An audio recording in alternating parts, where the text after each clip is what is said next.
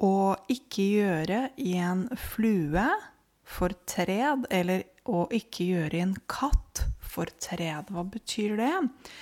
Det betyr å være um, harmløs og ikke skade andre. Uh, det er um, noe som er fint, på en måte. Um, når en person ikke vil skade andre, ikke gjøre noe ubehagelig mot andre. Uh, og jeg kan fortelle dere litt kort om flue og fortred. Uh, flue er insekt, og disse insektene er uh, ofte litt irriterende for mange av oss. Og det fins ulike metoder for å ta knekken på disse irriterende fluene. Disse insektene har vi overalt, inkludert hjemme, og når de er hjemme, de er mest irriterende.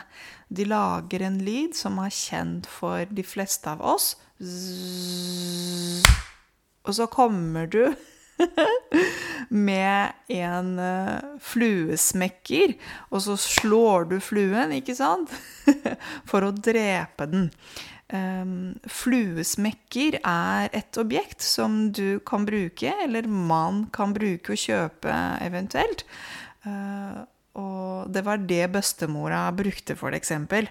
Uh, en fluesmekker ligner litt på en stekespade, men det er ikke stekespade. ikke sant? Så dere ikke bruk stekespade når dere skal slå fluene hvis det er noe som irriterer dere skikkelig. Det fins metoder uh, som er effektive for å bli kvitt disse fluene. Å bli kvitt noe eller noen, det betyr å få det til å bli borte og forsvinne. At den ikke er der lenger. Okay? Og så kommer jeg til ordet for, uh, for tred. Uh, ja, jeg tror jeg har sagt det faktisk hva det er. Ja.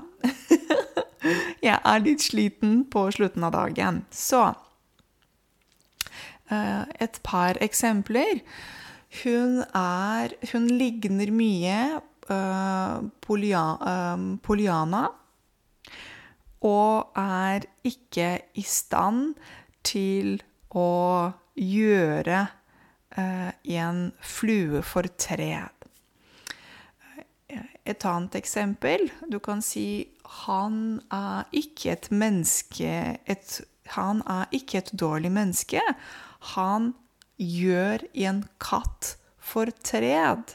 Han er veldig snill. Okay?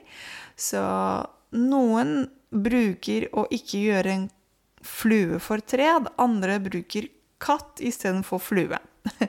Så ja. Begge kan uh, dere lese eller høre i forskjellige kontekster. Tusen takk for i dag. Jeg ønsker dere en kjempefin helg videre. Og så høres vi snart igjen. Ha det!